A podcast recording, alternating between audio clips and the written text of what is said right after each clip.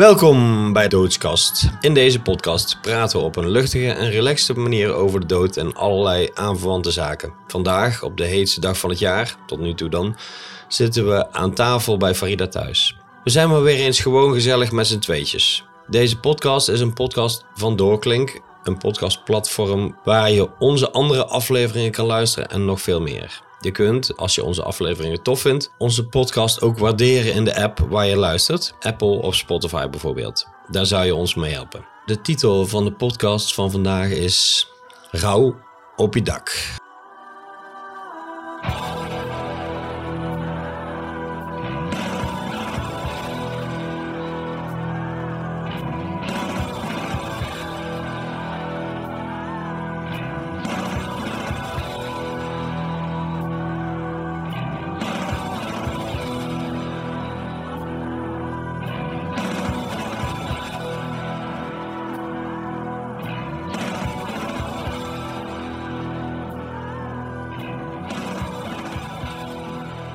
Want uh, we gingen over rouw praten. Ja, dat leek me wel eens een keer een goeie. We zijn door eh, verschillende omstandigheden, want eigenlijk was het helemaal niet de bedoeling dat we met z'n tweetjes zijn, maar daar zijn we nou. Ja. Weer. Ja, we hebben echt van alles geprobeerd om iedereen uh, voor de mic te krijgen. Het, het, zit gewoon een beetje tegen allemaal. Ja, dat klopt. Misschien is het daarom wel dat we nou met z'n tweeën zitten trouwens. Het zal wel zo moeten zijn. Maar dat leek mij een goede reden inderdaad om, dus eens te, om daar eens op in te zoomen. Dat dingen zo tegen kunnen zitten. En ja, dat, je daar, dat daar ook rouw aan verbonden is. Ja, dat je zeg maar langzaam dingen kwijtraakt en ze niet meer terugkrijgt. Ja, of, of langzaam of snel ooit. Ja maar, en dat het in ieder geval niet alleen maar te maken heeft met als er iemand dit leven verlaat, zeg maar. Er zijn veel meer dingen in je leven die je meemaakt. Bij de een misschien meer of minder, of bij de ander komt alles tegelijk. Maar in ieder geval die jou ook doen rouwen. Ja, dat is zeker waar. Je weet gewoon niet zo wat er op je afkomt in je leven en wat je kwijtraakt en, en wanneer. En je bent er nooit echt klaar voor. Maar goed, de vraag is dan een beetje, komt uh, dat je er zo van schrikt, omdat je altijd gewoon maar alles vanzelf, voor vanzelfsprekend uh, aanneemt? Nou ja, dat is denk ik zeker wel een onderdeel daarvan. Ik denk, maar daar hebben we het ook al vaker over gehad, dat wij daar ook niet zo goed mee omgaan. Dat wij ook niet leren mm -hmm. hoe dat moet. Het is iets wat dus iedereen overkomt. Je kunt mensen verliezen, hè? Dat, is, dat is dan misschien de, de, de grootste of de ergste vorm van rouw. Maar je kan je kan je baan verliezen, je kan je huis verliezen, je kan je been verliezen. Je kunt van alles verliezen. Ja. En dat gebeurt ook de hele tijd eigenlijk. Je verliest je jeugd, je verliest ja. je... En, en wij leren niet als kinderen, we leren wel uh, hoe je uh, champignonsoep moet maken, maar je leert niet hoe je om moet gaan met verlies eigenlijk. Nee, nee, de, ja, dat is wel interessant inderdaad. Er zijn natuurlijk wel um, vaste kinderboeken over. Of, ja, wel. Uh, maar maar um, ja, je kunt het eigenlijk alleen maar, uh, weet veel, van je ouders zien. Hoe die ermee omgaan ja, of zo. Maar stel je voor dat die nou eens niks meemaken. Dan leer je dat dus ook niet. Nee, nee, dat klopt, dat ja, klopt. Nee, ja. nee dan, dat, uiteindelijk is het wel heel interessant, want iedereen moet uiteindelijk alles inleveren. Ja, precies. Daar gaan we met z'n allen naartoe. Dat is de weg, ik bedoel, daar, daar beland je uiteindelijk. Ja, ja, ik moet denken aan een vriend van mij, die vertelde dat hij bij de uitvaart van zijn zus was. Zij had een, uh, volgens mij, een progressieve spierziekte of iets dergelijks. Mm. Uiteindelijk is zij overleden en uh, hij zei, wij hebben haar uit haar uh, verzorgingstehuis gedragen. Toen ze natuurlijk al overleden was. Hij zei, nou, dat was echt veel indrukwekkender dan een of andere grote biker begrafenis. Want, want in de verzorgingshuis was zeg maar een, een gang met een paar verdiepingen, een soort galerij, zeg maar. En daar stonden al die mensen van de verzorgingstehuis, oh. die stonden daar aan die gang om haar uh, uh, de respect te betonen.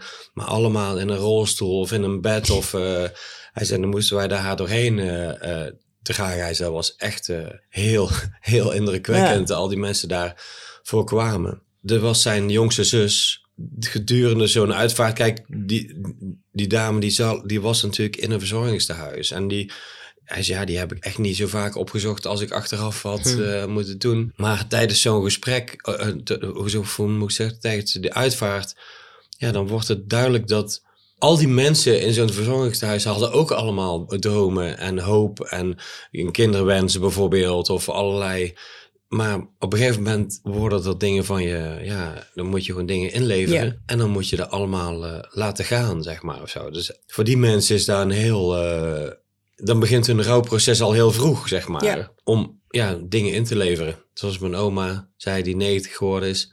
Je krijgt er van alles bij en je kan nooit eens een keer iets teruggeven. ja. En die was, ja, die is 90 geworden, maar die, die had een hele slechte heup en die was blind en eh, ja, weet je wel. En, en die had kalknagels, Ja, ja, de dingen die oude mensen hebben. Maar die had zoiets van, ja, ik kan nooit zeggen, nou, deze hoef ik niet. Nou, deze maar houden. Je moet het allemaal maar gewoon accepteren. Ja. Ja, ja. Maar je weet het ook niet precies over hoe je kaarten gedeeld worden of hoe je ze voor je neus krijgt in je leven. Hè?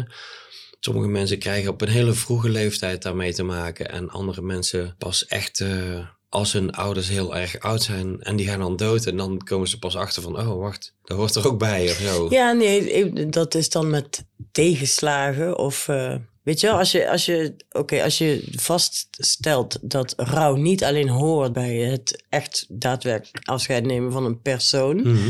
maar bij eigenlijk alles waar verlies bij hoort. Ja, Dat kan natuurlijk eh, je eerste konijntje zijn. Of, of, of, oh ja, dat gaat dan ook over dood. Maar het hoeft niet per se over dood te gaan. Maar dat je gaat verhuizen. Dat je ja bijvoorbeeld... dingen eh, kwijtraakt die je nooit ja, meer terugkrijgt. Ja, dat soort dingen. En de ene inderdaad zal dat eh, heel jong al meteen meemaken en, en de ander niet. Maar ik heb dus wel sterk de indruk dat, we niet, eh, dat er niet genoeg ruimte is om dat te delen. Om, en dat daar niet genoeg over gepraat wordt en niet genoeg bij stilgestaan wordt. Ja, het er niet genoeg aandacht aan besteed Ja. wordt. Ja, daar ben ik het wel mee eens. Ja. Het is ook een ongrijpbaar iets. Hè? Ik heb een boekje van jou gekregen Ja. over rouw. En daar heb ik wel enigszins wat in gelezen. En wat ik eigenlijk er een beetje van geleerd heb, is dat het een, eh, het is een grillig proces. Ja, Wat op allerlei manieren op je afkomt en, en eh, dat kan heel random aanvoelen. Tenminste, zo heb ik het zelf wel ervaren. mhm. De ene moment heb ik gewoon, eh, haat ik iedereen. En de andere moment voelde ik me heel alleen. ja, ja. En, en dat is misschien, hoort dat bij elkaar, maar op een of andere manier ook weer niet. Want op het moment dat je alleen voelt, mis je iedereen. En als je iedereen mist, dan kun je ze niet haten. maar misschien is er dan weer een soort... Maar goed, in ieder geval, er zit geen duidelijk patroon, opbouw of iets Nee. dergelijks in. Of, of, een- maar misschien komt dat ook wel omdat eh, je er gewoon doorheen leeft. En daar dus wat je zegt geen ruimte voor neemt om zeg maar te, een bepaalde stadia te herkennen. En daar zeg maar doorheen te gaan in plaats van ja, je gewoon gaan maar verder gaat met werk en eh, veel feesten en wat je normaal ook doet. En dat je af en toe in één keer struikelt over iets wat je hebt genegeerd, zeg maar. ja, ja, ja, ja. ja. Dan Ik- even een stokje voor je voeten steekt van, oh eens even, ja, gaat nou even nou, eh, voelen bij wat er eigenlijk aan de hand is of zo. Ja, maar dat wat je als eerste zei, daar herken ik heel erg. Van dat alles door elkaar, dat het zo... ehm, Ja, is dat willekeurig Ze- bijna. Ja, want ik heb zelf wel ooit eh, in een situatie gezeten waarin ik dus dacht van ik doe het niet goed. Want ik ben zelf, ik hou wel van als eh, dingen een beetje, ja, niet voorspelbaar zijn, maar wel van dat ik begrijp wat er met me aan de hand ja, is, zeg ja, maar. waar je doorheen gaat of... Ja, Ja. maar daar kon ik dan geen vat op krijgen. En dacht ik, oh, ik, ik doe dat niet goed. Maar toen heb ik eigenlijk wel geleerd van, er is geen goed of er is geen fout. Zo gaat Mhm. dat bij iedereen. Dus die fases, volgens mij, eh, er zijn natuurlijk een hoop theorieën over. En je hebt eh, allerlei standaard fases en rouwprocessen. En eh, Mhm. Sommigen zeggen dat er vijf stadia zijn. Anderen zeggen dat er zeven zijn. Anderen zeggen, er zijn er een heleboel. Maar je doet ze niet allemaal. De, en die ene komt eerst en kan, oh, die andere komt helemaal niet. Ik bedoel, Ja. woede hoeft niet eh, Nee, een nee. onderdeel te zijn. Of ontkenning hoeft ook niet een onderdeel. Weet je wel, dat, dat- ik denk dat Maar goed, ook- eh, Ja. eh, jij had het over, hè? Die, die Ja, vijf stadia. ja, ja, ja, Ik ja. zag dat je opgeschreven had. Ik had eventjes daar opgeschreven. Ja, dat is van die... ehm, dan moet ik even spieken, want ik vergeet dus namen altijd, hè. Elisabeth Kubler-Ross. Ja, is die. Ja. En daar zijn er vijf. En dat begint met ontkenning. En dan komt er woede. En dan komt er vechten of onderhandelen. Ja, ja. En dan depressie. En dan aanvaarding. oké. Maar aanvaarding kan ook al in het begin zitten. Of daar kun je ook mee beginnen. Dat ligt er maar net aan. Het is dat, Ja. Voor mijn gevoel kun je dat helemaal niet zo ergens opplakken, weet je wel. Van dus het gaat zo en dit zijn de stadia en die ga je allemaal doormaken. Nee, nee, dat is denk ik ook inderdaad heel erg van persoonsafhankelijk en van situatie Ja, afhankelijk. Ja. dat lijkt mij wel. Ja, ik was onlangs eh, bij de uitvaart van eh, Bram Wouts, de zanger-gitarist van Beef. Die eh, had een, een tumor in zijn hoofd en daar hebben ze wel geopereerd, maar dat was binnen no time weer op volle sterkte terug. Ja. En hebben ze heel snel bekeken van, nou ja, je valt niet tegenaan te opereren. Maar sowieso was daar trouwens een mooie uitvaart, want er was een, op een natuurbegraafplaats, maar hij is daar niet begraven. Maar die dienst was wel daar. Er was gewoon aan de rand van een veldje hadden ze een soort eh, zeil gespannen waar iedereen Oh, onder is wel, zat. Ja, klinkt eh Met wel met, ja, dat was. eh, ja. nou, het was heel rustig en, en open natuurlijk. Mhm. Dat was heel fijn. Natuurlijk wel met een speakersysteem en, en, en een kist enzovoort. En uiteindelijk eh, is hij ergens anders weer naartoe gegaan om gecremeerd te worden. Oh, en, en uiteindelijk wordt hij dan toch weer daar uitgestrooid. Ja, ja. Iets dergelijks was Ja. het. Ik had mijn kop nog goed verbrand van de, van de zon. Ik zat net ik was net, natuurlijk net iets te laat om onder die tent te kunnen. Zo, zo één stukje of wat? Ja, ehm, maar wat heel bijzonder was, was eh, eh, met name zijn eh, vrouw en zijn kind, die daar heel sterk stonden. En ehm, die, die een verhaal deden. En, en ehm, ik denk dat die voor een groot deel hun rouwproces eigenlijk in de Ja. aanloop van het sterven hebben gehad omdat die jongen was natuurlijk erg ziek en dat wist iedereen. En door die tumor in zijn hoofd raakte hij steeds meer functies kwijt. Dus dat was een soort geleidelijk Ja, proces, zeg na, maar. na dat punt toe. Ja, precies. Ja. Ja, als je daar heel dichtbij eh, bent, dan. En ik, ja, ik ga ervan uit dat hun eh, daar veel over. Toen, toen jongen nog kon praten, daar veel over gepraat hebben. En daarna over geschreven hebben. En, en zo kun je natuurlijk van tevoren eigenlijk. eh, ook al dingen, van dingen Ja. afscheid nemen. Onvermijdelijkheid al onder ogen zien of zo. Ja, nou, en, en ook nog samen met diegene, Ja, weet je wel. ja. Dat is ook anders dan dat er iemand, dat iets plotseling weggerukt wordt van je of uit je leven. Of, eh, Ja. Zeker. Dus om maar aan te geven Ja. dat het niet altijd inderdaad zo Nee, lineair eh, ze- verloopt. ja. Maar het is inderdaad wel heel interessant om ehm, te merken hoe je reageert op als je dingen kwijtraakt. Ja, dat is heel interessant. En eh, wij spraken elkaar van de week en toen zei jij eigenlijk iets. En toen dacht ik, ja, dat herken ik eigenlijk heel erg goed in het andere. Ik bedoel, mijn leven is heel anders dan dat van jou of zo. Maar toen zag ik de overeenkomst wel van, godver, als je gewoon een aantal dingen in een korte tijd eigenlijk kwijtraakt, Mhm. op een gegeven moment is je systeem of zo vol. Of ik weet niet meer precies eigenlijk wat jij letterlijk zei. Dat weet ik ook niet meer precies. Maar dat maakt ook niet zoveel uit. Maar het kwam wel daarop neer dat ik dacht, ja, je kan heel veel hebben als mens of zo. Maar er, zijn, er, is, er is ook, daar zit ook ergens een grens aan of een, of een, of een plafond of zo. Je zou kunnen zeggen dat je net als een soort computer een soort verwerkingssnelheid Ja. hebt. En als je te veel te verwerken krijgt, dat je daar, dan, dan gaat dat op een gegeven moment stropt Ja. dat, of dan gaat dat langzamer. Ja. Omdat je nog aan mee bezig bent of zo. Ik heb dat wel echt gevoeld en ik heb ook wel, ik denk er nog middenin zit ook, tot op zekere hoogte. Maar wat je zegt zo, dat er zeg maar voor rouw, dat daar een bepaalde tijd voor staat. Mhm. is wel interessant, want in veel eh eh, geloofstradities wordt daar echt een tijd voor geschreven. Ja, niet Dat- zo lang, meestal. Nou ja, goed, ik weet Want bijvoorbeeld ik weet uit de katholieke kerk. eh, en dan hebben we het over, ehm, bijvoorbeeld in Spanje, weet ik van mensen die daar eh erg katholiek zijn, die hebben echt een vaste periode. Hè? Dus, dus als jouw partner overlijdt, dan weet ik veel, ik geloof je dan vijf jaar in zwarte kleding moet eh, lopen. Of zoiets. Of eh daar staan echte.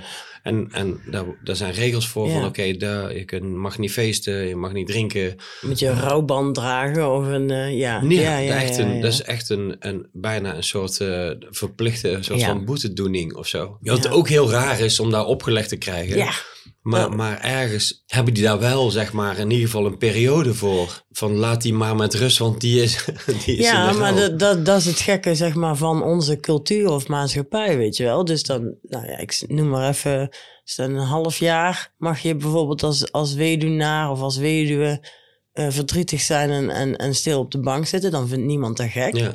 Maar als het een jaar duurt, dan zegt iedereen, ja, is, uh, gaat het wel goed? Dat gaat niet goed, daar moeten we ons zorgen over maken. Ja, tijd dat hij Tinder installeert. Ja, bijvoorbeeld. Maar als hij het eh, na drie maanden al doet, dan is het ook niet goed. Want dan gaat, het, oh, dan gaat het veel te snel. En hm. iedereen vindt de hele tijd van alles en zo. Terwijl het natuurlijk gewoon een, een, een zeer persoonlijk proces is. En dat, kan je niet, dat kun je niet uh, in, een, uh, in een hokje zetten. Dat, dat, dus, daar geloof ik niet in. Maar uh, ik dacht, bedacht me net namelijk nog iets, want dan terugkomend op het, uh, zeg maar op dat van dat, dat we daar niet genoeg over leren of niet leren hoe we ermee om moeten gaan. We zijn er niet geoefend. Ik denk dat je kan oefenen in het omgaan met verlies. Mm En dat je daarom het niet alleen toe moet spitsen op als je iemand verliest aan de dood. Maar dat je dus eerst gewoon moet puur kijken naar verlies. En wat is dat en wat doet dat met je? En mhm. hoe begeleid je kinderen daarin? En hoe, om die sterk te maken, zodat ze grotere verliezen beter aan kunnen, mee kunnen dealen. Nou ja, uiteindelijk is natuurlijk alles op de plek waar wij leven ja, helemaal gericht op succes en op uh, het vermijden van verdriet en lijden en, en uh, daar zo snel mogelijk vanaf uh, te komen. Ja, buiten dan een zielig liedje te luisteren of een, weet je wel, dat je je troost in kunst of, een, of een zielige film kijkt en daar dan bij, lekker bij gaat zitten janken, is daar moeilijk voor mensen om daarmee om te gaan inderdaad. Omdat daar niet zoveel over gesproken wordt, er zijn niet, zo, niet zoveel handvaten voor. Maar uiteindelijk verlies je alles ik las uh, nog een stukje van Steve Jobs. En dat is natuurlijk een soort van quote of zo. Maar ik moest wel een tijdje geleden ook denken aan... ik, bijvoorbeeld mijn... Ik, ik, ik heb een tattoo shop, maar die, die houdt op met bestaan. En dan heb ik er wel eens eerder meegemaakt. En je kunt je afvragen, als je dingen eerder meemaakt... of er dan, als je het nog een keer meemaakt, of er dan harder aankomt of zo. Dat kan natuurlijk, hè, als je soort van tussen aanhalingstekens ja. traumatische ervaring heb gehad, om, ja, dan kan er harder inakken de, mm de volgende keer erop. Maar ja, dat is uiteindelijk maar gewoon een bedrijf. En ja, ik ben nog nooit op een begrafenis geweest waar, waar mensen zeiden, hij had echt uh, veel geld, die man. of zo, of hij had wel drie auto's of... Uh, ik, heb, ben wel op een uitvaart geweest van iemand die een heel succesvol bedrijf had. Waar ze zei van, nou ja, weet je wel, dat hij heel erg tof voor zijn personeel was. Snap je dat hij altijd aandacht had voor die mensen? En uiteindelijk gaat het toch om het intermenselijke ja, ja. Uh, verhaal. En, en uiteindelijk was er zo'n quote van Steve Jobs, die dan net voordat hij uh, doodging aan kanker. Ja, die man was uh, zo onmetelijk rijk, ongelooflijk zeg maar. En die zei: Ja, ik kan niks inleveren om iets van mijn gezondheid terug te krijgen. Of ik kan op een horloge van vijf, van, van een tientje lees het uit dezelfde tijd als een horloge van 10.000 uh, dollar. Dat maakt de auto, weet je, de afstand, hoe voor dure auto die ook zit, de afstand is hetzelfde die je af moet leggen. Daar zit het geluk niet in. Mm. En uiteindelijk is het hartstikke leuk dat je daar gehad hebt, maar je mag het allemaal achterlaten. En dat brengt je geen peace of mind, zeg maar. Nee. Eigenlijk zijn alle dingen die je wel verwerft of die je wel um, ja, jouw, jouw connectie met de mensen, daar is uiteindelijk wat er telt op het aller, aller einde, zeg maar, of zo. En dan heb je het over wat je zelf op moet geven voordat je sterft. Maar je raakt natuurlijk van tevoren ook nog een hoop dingen kwijt. Ja. Ik ben wel met, je eens dat daar heel weinig uh, duidelijk over is. Of zo, hoe je daarmee om kan gaan of zo. En uiteindelijk heeft daar geloof natuurlijk altijd veel... Daar heeft al die dingen opgevangen, ja. dat was daar waren gewoon regels voor.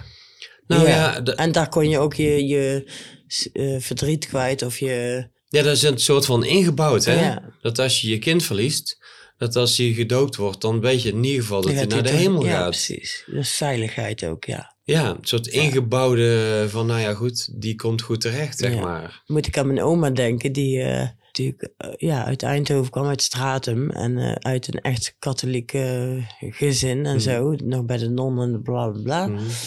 Maar die is juist daardoor eigenlijk van de geloof afgevallen, zeg maar. Oh ja. Want uh, eerst ging haar man op hele jonge leeftijd dood. Dus mijn opa is er dan. Maar die was 49, geloof ik, met een hersenbloeding en daarna uiteindelijk aan gestorven. En toen ging een, haar ene jongste zoon kreeg toen uh, Hodgkin, die, is, die, die is gestorven. En later is het nog een klein dus zo'n, uh, nou ja, enzovoort, enzovoort. Dus die zei op een gegeven moment, ja, ik kan me nog meer vertellen, ja. maar daar heb ik niks aan. Nee, daar heb ik niks aan. Wie, ja. Dus uh, welke god, weet je wel, nou ja. En, dus het heeft denk ik voor een tijd heel veel soelaas geboden voor mensen, maar op een gegeven moment ook voor heel veel mensen natuurlijk niet meer, omdat het niet te ruim valt met een hele hoop uh, andere dingen. Nee, ja, natuurlijk. Maar ik bedoel te zeggen dat, ja, er is een heel, zo'n geloof, hè, uiteindelijk is het bijvoorbeeld in het boeddhisme ook een beetje zo, dat biedt een hele structuur. Mm. Biedt een structuur van, oké, een aantal kernwaarden. En die kernwaarden zijn natuurlijk voor als je alles kwijtraakt, wat blijft er dan nog over aan waarde? Als je dus iemand verliest, dan gaat hij naar een goede plek. Dat zou je een soort van troost kunnen bieden. Misschien een van de belangrijkste dingen van zo'n geloof is eigenlijk de gemeenschap. Maar ja, ik wou net zeggen, dit gaat over, over een community of over een, een saamhorigheidsgevoel.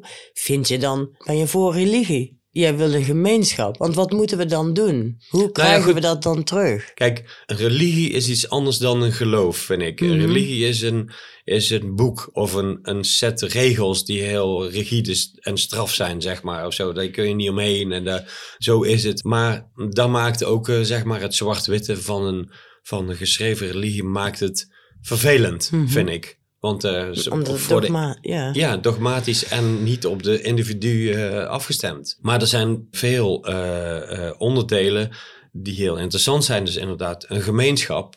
Daar is wel een groep mensen die met elkaar begaan is. Ook al um, en die delen iets, zeg maar. En daarmee kunnen ze iets voor elkaar betekenen. En is het veel makkelijker om te beoefenen, heb je naast lief dan jezelf. Als je dat in, een, in een clubje doet, dan is dat handiger dan dat je random bij de overburen aan moet... Uh, gaan bellen van ja, ik moet jou uh, lief hebben, geloof ik. De, die zitten daar niet altijd op te wachten. Als je iemand in dezelfde club hebt, die weet dan wat je bedoelt je kunt dan uh, dingen in de gaten houden van elkaar. En voor een groot deel, zeg maar, is er een verdeling van waar je naartoe gaat, waar je vandaan komt als je geboren wordt. Uh, wat je hier te doen hebt en wat hierna ook nog eventueel te beleven is. Ik weet bijvoorbeeld van het boeddhisme, daar zijn ook een hoop uh, hiernamaalse, mm -hmm. een hoop slechte ook, zeg maar de hel. Maar in principe wordt er over gesproken als dat er een staat van geest is, zeg maar, of zo. In de zin van, als jij je heel erg rot voelt, dan ben je in de hel. En als je je heel erg goed voelt, dan niet. Een tijdje geleden, dat was misschien heel filosofisch, daar zal ik niet te ver over uitweiden.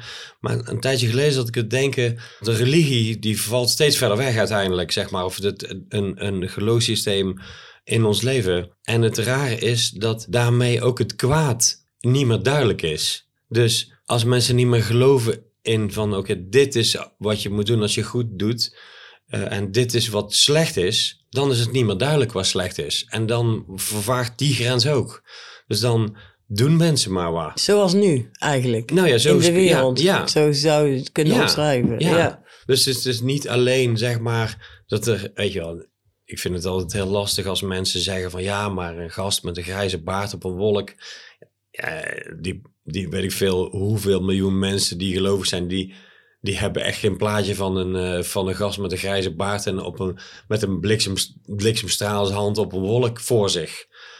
Je kunt zelfs uh, argumenteren dat uh, de, de, oude Grieken die allerlei goden voor zich zagen, die een heel stelsel hadden, dat die dat ook niet zo zagen. Toen al niet, zeg maar, of zo. Maar dat vind ik een beetje te versimpelde mm versie wanneer doe je iets goed en wanneer doe je iets, iets uh, met name kwaad, zeg maar, of zo. En als het kwaad niet duidelijk meer is, dan ja, is daar steeds meer ruimte. Kun je steeds meer ruimte nemen van ja, maar dat kun je allemaal goed lullen. Omdat er zeg maar geen. Dat geldt ook voor goed dan toch? Ja, maar goed is een. Uh, hoe zeg je dat?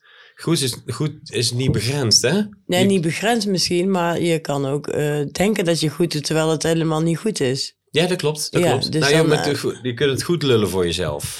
Of goed doers kunnen ook kwaaddoeners zijn eigenlijk. Ja, dan, ja, goed, dan kun je het hebben over intentie en zo. Maar mensen zijn het gewoon, uh, daar kompas een beetje kwijt. Mhm. En die laten zich leiden door een emotie. En uh, die, vinden, die hebben zoiets van, ja, maar dat voelt niet oké voor mij. En dan, dan is alles gerechtvaardigd. Het is eigenlijk heel interessant, omdat zeg maar, uh, ja, verliezen bijvoorbeeld is een negatieve emotie. Dat is gewoon echt, dat, dat, dat breekt je hart eigenlijk. Een van de belangrijkste redenen wat er heel hard mhm. kan, gebroken kan worden, zeg maar. Iets dat je daarin hield en dat gewoon uh, jou niet moet of zo. Dat is echt heel vervelend. En dat kan op allerlei niveaus zijn natuurlijk. Dus wat je zegt, uh, ja, zo, de ene is heel erg kapot van uh, dat de konijn overlijdt. En de andere, ja, weet ik veel, sterft. Uh, de een naar de ander en, en, en, en daar is dan nog niet, die breekt nog niet door of zo.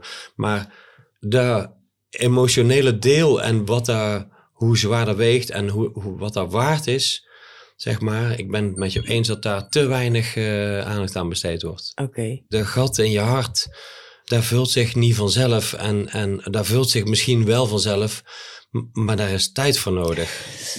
Ja, maar ik wil toch, ik wil nog even terug, want jij zei ook van, dus dat dat verdriet is altijd negatief. Maar eigenlijk ben ik het daar niet mee eens. Pijn, denk ik wel, mhm. misschien is, is niet fijn of zo. En verdriet kan ook heel vervelend zijn, maar ook er zitten ook hele mooie kanten aan of zo. Ja, maar, maar je zou kunnen zeggen dat verlies altijd negatief is omdat je iets kwijtraakt. Dan, ja, ja, ja. Dan, dan, dan, wordt het een min. Ja, ja dat, dat, dat, klopt. Maar je kan ook bijvoorbeeld met het verlies tegelijkertijd heel erg ervaren van, maar ik heb het wel gehad. Ja. En uh, daar is ook iets waar je in, in kan Of ja, dat kun je ook leren, weet je wel. Dat is een manier van kijken naar dingen. Ja, daar is een, uh, een, een goede antidote, zo ja. een, een tegengif, zeg ja, maar. precies. En dan wordt het een bitterzoete herinnering of ja. Ik, ik, ik denk dan bijvoorbeeld aan de moeder van Job die uh, haar eh, lieve man verloren toen die net met pensioen was. Echt zo'n, zo'n ja, dramatisch eigenlijk. Eindelijk gaan genieten en samen leuke dingen doen. En dan uh, kanker hebben en ja, twee jaar later of zo was hij dood. En dat is echt oprecht. Ik bedoel, natuurlijk mist zij hem. En natuurlijk vond ze het verschrikkelijk om hem te moeten missen. Maar wat je zei ook, dat rouwproces, dat is dus al die tijd al daar ben je al mee bezig. ja. want ze heeft, lang is hij ziek geweest en ook een hele mooie tijd gehad, enzovoort, enzovoort. Maar zij zegt dat steeds. Ik heb een geweldig huwelijk gehad. Hm. Ik ben hartstikke gelukkig geweest. En daar kan ik elke keer, als ik me rottig voel, op terugkijken en denken: wat een geluk. Ja. En dat vind ik wel heel. Uh, ja, dat vind ik heel mooi en bijzonder. En dat is ook dus verdriet. Of ja, dat hoort daarbij of zo. Of ja, jij zegt een tegengif. Het is de andere kant ervan. Ja. Een weegschaal. Ja, ja vind ik echt een, een tegengif, ja, zeg maar. Maar goed, het is natuurlijk een beetje, daar hebben we het eerder over gehad. Eigenlijk kun je pas echt goed terugkijken naar wat mhm. het was als het voorbij is. Ja, ja, ja, ik zit toch de hele tijd met mijn hoofd aan van hoe leer je dat nou toch wel, dat je daar beter mee kan omgaan, weet je wel. Maar ik denk, kijk bijvoorbeeld, uh, mijn ouders gingen scheiden toen ik uh, elf was of zoiets, twaalf, om en nabij. Dan is dat gewoon een gegeven en dan gebeurt dat. En uh, pas, weet ik veel, tien jaar of twintig jaar later in therapie of zo, kom je mhm. erachter, ja, je hebt een verlies geleden. Mm en daar heb je eigenlijk, moet je voor rouwen. Dat gebeurt heel veel. En dan moeten mensen later nog daarmee om gaan leren gaan. Ja. Omdat je toen niet de juiste begeleiding of de, of, of de juiste know-how had of, uh, om daarmee te kunnen dealen. Wat dan misschien wel, in mijn geval is het niet per se zo, maar mijn hele leven anders had kunnen zijn. Omdat ik altijd die, die zwaarte van dat ene ding mee moest torsen en... Uh, niet uh, geleerd hebt van ja, er zijn, uh, ja. Nou ja, ik ben het wel met je eens dat zeg maar, en uh, ja goed, als je dan overschrijden hebt, dan is het, dat gaat tussen twee mensen en die hebben het al ontzettend moeilijk. Dus die hebben dan zeg maar al moeilijk met zichzelf. En dat is dan voor die mensen ook nog lastig, terwijl ze midden in de proces zetten om, om hun kinderen daarin te hmm. begeleiden, zeg maar, of zo. Want dat ze zelf misschien niet eens uitgelegd krijgen aan zichzelf. Nou ja, wat ik zeg, dat het, het gat, dat zal er misschien wel blijven. Of dat wordt gedeeltelijk gevuld, maar in ieder geval dat dat tijd uh, overheen gaat. En dat dat mag. En dat je daar uh, um, wat je daar tegen in kan brengen met een geloofssysteem of zonder geloofssysteem. Uh, dat zou wel heel handig zijn als, als, daar een soort basisidee voor ja. bestaat. Of in ieder geval dat het duidelijk is van oké, okay, dit is een proces en dit kan er gebeuren en deze persoon kan af en toe kwaad worden en af en toe onredelijk. En, ja, dat, maar ook dat we misschien ook niet leren van dat alles voor eeuwig is. Want dat, daar worden we eigenlijk wel mee grootgebracht. Ja, dat klopt. Dat alles goed gaat en fantastisch en geweldig. En nee, volgens mij kun je beter leren dat het dus gewoon niet waar is. En dat je je best doet om bepaalde dingen misschien uh, te krijgen of te, te, te winnen of mhm. te weet ik veel wat. Maar dat dingen ook kapot kunnen gaan en over kunnen gaan en dood kunnen gaan. En dat dat bij het leven hoort. En dat dat iets is waar je op voorbereid moet zijn. Ja, dat is een heel interessant uh, gegeven. Ja, dan kom je heel erg op het uh, dat je bewust bent van het moment. En uh, ja. dat bewust bent van wat je hebt, ja. als je het hebt enzovoort. Dan kom je weer op een filosofisch gebied, mm -hmm. zeg maar. Ik ben het wel mee eens dat je wel ja, weet ik veel, als een kind een kopje kapot laat vallen, dat je, als je, daar kun je heel erg boos over worden. Maar je kunt ook zeggen, ja, zo gaan die dingen. Ja, dat, dat, ja maar goed, natuurlijk. Want het is nou niet zo dat er een vak bij moet komen op school of zo van, oké. Okay, ja, maar de tijdelijkheid van dingen. We, ja, nou ja, hoe wij daarmee omgaan is denk ik wel... Uh, er zijn legio ouders, volgens mij. Ik wil niemand beledigen, mm. maar die proberen alles weg te houden. Bijvoorbeeld bij een kind. Ja. Ja, en, klopt. en heel veilig alles en helemaal. Uh, dat is prima hoor, overigens. Dat moet je allemaal natuurlijk zelf weten. Maar ik denk wel eens, soms moet je een kind ook maar eens even los. Gewoon, dat, dan valt hij. Dat, dat zijn ja. weet je wel, allemaal van dat soort. Nou ja, ik, ik heb wel het idee dat bijvoorbeeld huisdieren daaraan bijdragen. Ja. Je overleeft eigenlijk altijd je huisdier. Ja, en dat is je eerste verdriet vaak. Nou ja, in ja. ieder geval is het zo dat daar leer je van, van oh ja, en op een dag uh, nee, zwemt ze je goudvis ja. ondersteboven en dan, uh, dan is hij dood. Ja. En als je die uh, negeert, dan, dan gaat dat sneller. maar ja, hamsters en konijnen enzovoort, ja, daar is inderdaad wel um, ja, een van die dingen. Komt natuurlijk ook om, omdat we verwijderd, verwijderd van het natuurleven. Ja, zeker. Uh, ja, anders dan als je ook met de seizoenen zou, als, als dat allemaal veel meer uh, nog in ons systeem zou zitten, zouden dingen ook vanzelf gaan eigenlijk. Ja, nou oh. in ieder geval, we hebben een hele lieve, vaste luisteraar die ons probeert te wijzen op het feit dat er heel veel dieren ook uh, mm -hmm. uh, ja. doodgaan. En nou, ik ken heel veel mensen die zich daar verlies, zeg maar, van, die, van de honderdduizenden dieren die per dag ja. uh, in, de, in de vleesindustrie uh, uh, het loodje leggen, die zich daar lot aantrekken. En zij probeert ons langzaam of zachtjes op te wijzen dat daar een belangrijk onderdeel ja. is, zeg maar. Het punt is natuurlijk dat daar ook buiten het zicht gehouden wordt. Ja, ja maar, maar, maar, maar alles nee, of ja, negatief of moeilijk of vervelend of lastig mm -hmm. wordt buiten het zicht gehouden. Ja. Dat is denk ik misschien wel de kern van het probleem. Ja, Over vlees gesproken. Ja, ik was wel eens ooit een keer op een um, ecologische varkensboerderij in mm. uh, Denemarken. Ja, die, die, die hadden dan wel een heel goed leven, maar die gingen uiteindelijk werden die ook gewoon mm. geslacht en opgegeten. Ja. En toen wij daar waren, waren we, er was een feestverjaardag van een boer die uit uh, Nettersel of Kaasteren of zoiets okay, ergens. Die is dan naar Denemarken. In ieder geval, die had voor de gelegenheid dus een varken geslacht en op het spit gelegd, of op de joekel van een mm. barbecue. En die werd s'avonds, werd, werd dat varken daar uitgedeeld. En toen gingen er heel veel mensen zo, oh nee, die wil ik niet, die heb ik straks nog gezien. Oh ja, en toen werd hij, ging toen even zo'n, zo'n, ja, die ging even een reden voeren. Zo oh ja. van, maar, maar kijk, wat ben jullie een hypocriete uh, jankvolk gewoon. Ja. dat is niet, ja, een beest wat je eet moet eerst doodgemaakt worden. Ja. Is er nou maar voor ons? Ja, maar die heette Katrien. En dan ging ze allemaal huilen. Oh, ja. Ja, dat is heel lang geleden trouwens. Maar, um, en toen had ik gewoon vlees. Mm. En, en nu nog wel eens, uh, sorry voor de, alle mensen die ik daar heel veel uh, verdriet mee berokken.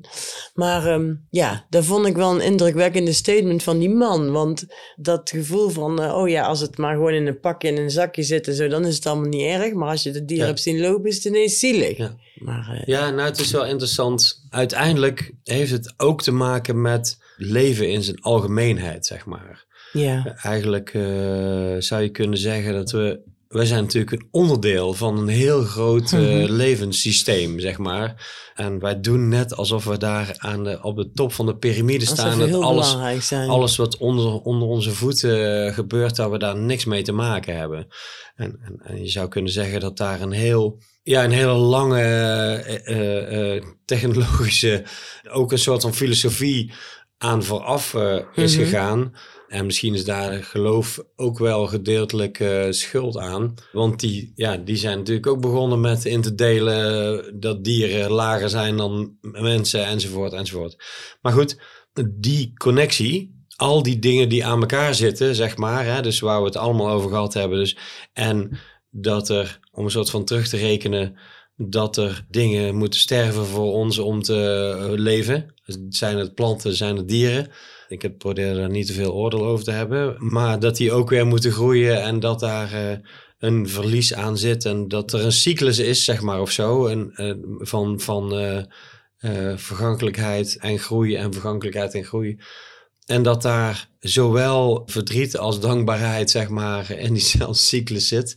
Daar zijn we een beetje kwijt. De waardering daarvoor en, en mm. inderdaad in hoeverre je daar um, duidelijk maakt aan uh, kinderen bijvoorbeeld, of, of in hoeverre je dat leeft, zeg maar.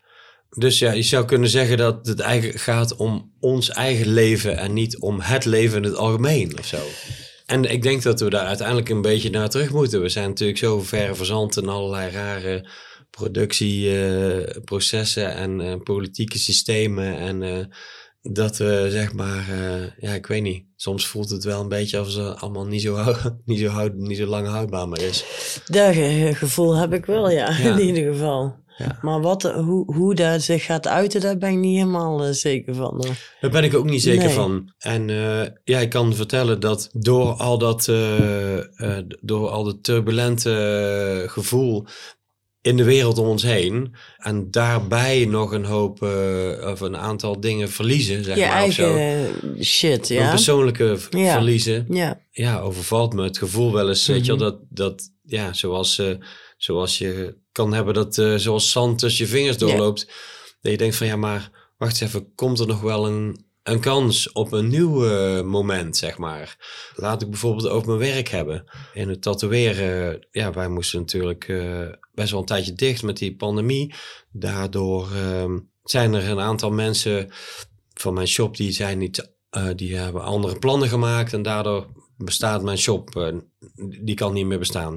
Op zichzelf is daar niemand de schuld van. Maar daarbovenop bijvoorbeeld komen allemaal regels over inkten en, uh, uh, en redelijk absurde regels, zeg maar, die, die uh, eigenlijk met, voor mijn gevoel, met de praktijk heel weinig, te, dus allemaal getheoretiseerd, allemaal weinig te maken hebben. Je kun je afvragen van, oké, okay, dat loopt af, zeg maar. Ja. Je voelt alsof het afloopt. En de vraag is, kun je daar nog uh, rechtop krijgen? Of uh, krijg, krijg je een nieuwe kans om een nieuwe hand zand te, te pakken... Om, om die weer langzaam door je vingers te laten mm. glijden? Want zo gebeurt het uiteindelijk toch altijd. Ik kan me allerlei mensen en manieren voorstellen, manieren van leven. Bijvoorbeeld als je muziek maakt. Je hebt ook heel lang uh, stilgezeten met de onmogelijkheid om, uh, om op te treden bijvoorbeeld. Ja. Uh, maar ondertussen wordt, is er plaatverkoop, is, het bestaat al bijna niet meer. Dus het is heel lastig om daar geld mee te verdienen. En misschien komt er iets voor in de plaats, maar misschien ook niet. En op een of andere manier lijkt het alsof je daar, uh, ja, de vraag is van, komt daar nog ooit uh, overeind, zeg maar? Ja. Kun je met je bandje, hoe goed je nummers ook zijn, kun je op tegen de commercie van, uh, van een heel gesloten radiosysteem of een, dat soort dingen. Dat voelt heel alsof het, of je het verliest terwijl je, het bij, de, terwijl je erbij staat. Terwijl je er naar kijkt, ja, ja, ja. En de vraag is of je het dan zo ooit maar, zeg maar, nog terug kan opbouwen of, of in een andere vorm kan doen herreizen of zo. Dat wat was in ieder geval niet meer zo. Nee, maar, maar goed, uiteindelijk valt, voel je dan natuurlijk ook als je verkering uitgaat of dan denk je ook van ja, nou ik vind nooit zo leuk iemand meer of ik, dus ik, ik kan nooit meer iemand vinden waarmee ik die herinneringen deel. En dat is ook niet. Die kun je ook niet meer vinden, want een nieuw iemand is een nieuw iemand. Ja. Maar dat wil niet zeggen dat je dan niet uh, je doel en je, je geluk niet opnieuw kan vinden. Nee, zeker niet. Eigenlijk is dan je punt van als het allemaal wel veel is, dus en ja. je eigen ding, uh, waar je een heleboel uh, afscheid hebt moeten nemen eigenlijk, of Ja. moet gaan nemen. Zeker. En dan in de wereld is het ook nog een soort van vraagteken van Ja. waar gaat het heen? Onstabiel. En kunnen we nog wel... Dan is het gewoon eigenlijk een beetje veel. Ja. En dan is het ook veel moeilijker om nog licht aan het einde van de tunnel te zien. Ja.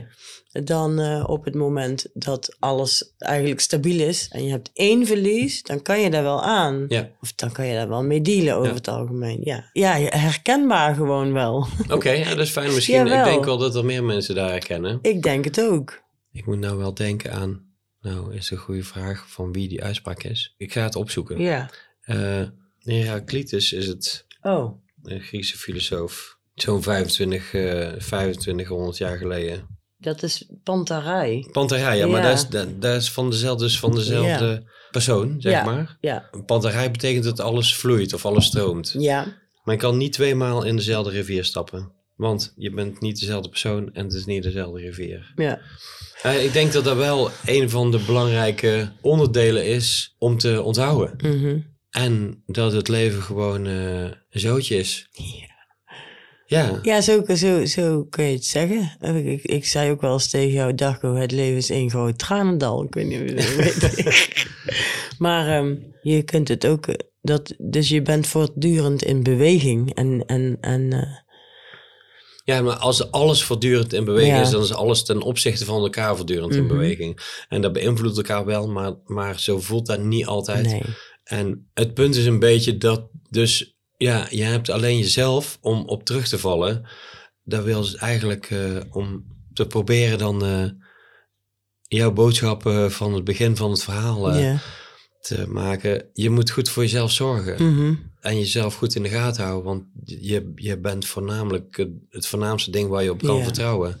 En als je daar je grond onder verliest, dan, ja, dan wordt alles shaky. En- Dan heb je eigenlijk niks meer. Nee, dat dan is wordt, gewoon, on- eh, dan wordt ja. alles onstabiel. Ja. Dus zeg maar, als je te veel verliest of te veel verdriet hebt of te veel te verwerken hebt, dan moet je daarvoor zorgen. Ja. Omdat je anders, als je niet voor jezelf zorgt, kun je ook niet voor de mensen en de dingen om je heen zorgen. Wijze woorden van een wijze man. Dus Ja, nou ja. Maar het is zo. Dat is, dat is de bottom line. Daar moeten we dus mee beginnen. Dus dat is misschien wat je moet leren. Voor Ja. jezelf te zorgen. ja, En dan omvat je alles. ja, ja. Ja. dat klopt. Dat is wel een mooie conclusie. Dat is ja. zeker interessant. Ik heb nog een gedicht. Het is van John Keats. De- ja, die heeft dan heel veel met dood te maken gehad. Die leeft in 1818 rondom die eh, tijd. En eh, eigenlijk heel veel van zijn gedichten... die hebben altijd wel iets met eh, dood of rouw te maken. En deze vond ik. When I have fears that I may cease to be. When I have fears that I may cease to be, before my pen has gleaned my teeming brain, before high piled books in charactery hold like rich garners the full ripened grain, when I behold upon the night's starred face huge cloudy symbols of a high romance, and think that I may never live to trace their shadows with the magic hand of chance, and when I feel, fair creature of an hour, that I shall never look upon thee more, never have relish in the fairy power of unreflecting love, then on the shore of the wide world I stand alone and think, till love and fame to nothingness do sink. Dat was hem. Ja, to love and fame, to nothingness do sink. Ja. Is wel fijn. ja. Ja, ja ook erin. Ja. Op je lijf geschreven. Zo. Ja, daar kunnen we ook nog eens over hebben, over wat er allemaal Wat er op je lijf geschreven ja, staat, Ja, ja. Dat is ook leuk. ja, er staan ook best wel wat levenslessen. Het grappige is, als je het soms dan eh bedenk je iets en dan denk je, oh ja, dan moet ik tatoeëren. En dan vergeet ik het nooit Nee. meer. En zo gauw als het getatoeëerd is, Dan weet je het niet meer. vergeet je het gewoon, omdat het er al staat. Daar hoef je niet meer over na te denken. heel apart is oh dat. ja, grappig. Omdat het gewoon, dan is het zo'n zo'n aangenomen feit dat je, dan zie je het eigenlijk misschien Ja. niet eens meer. Maar het is op zich wel vet als we een keer gewoon... eh, Ja, dan ga ik ja. gewoon dingen aanwijzen en dan moet jij daar even iets over vertellen of zo, zeker, ja. bijvoorbeeld. Ja, ja goed idee. Kunnen we nog misschien iemand die helemaal onder staat erbij eh, vragen? Ja, goed En idee. dan wordt het, eh, dan ga ik jullie... Ja, ja, dat is leuk. ja, laten we een keer doen. Ja. Heel goed. Gaan Laten wij... we ja, een eind aan maken. ja, Heel goed. Ik hoop dat de mensen weer fijn vonden om naar onze vage, filosofische, moralistische gezeven te luisteren. ik vond dat... eh, dat hoop ik ook. Maar ik weet in ieder geval wel, en daar gaat het dan toch om, hebben wij net geconcludeerd dat ik het in ieder geval wel heel fijn vond. ja, ik ook. Weer eens Ik zo. Ja. gewoon. Heel goed. Ja, Dan dus... wij gaan weer op zoek naar eh, nieuwe gasten. Ja. En eh, die hebben een hele lijst inmiddels eh, om voor de microfoon te slepen. Dus wij blijven nog wel even bezig. Dat komt helemaal goed. Kijk af. Ja, Oké. oké. Dankjewel. Oké, Yo. hallo.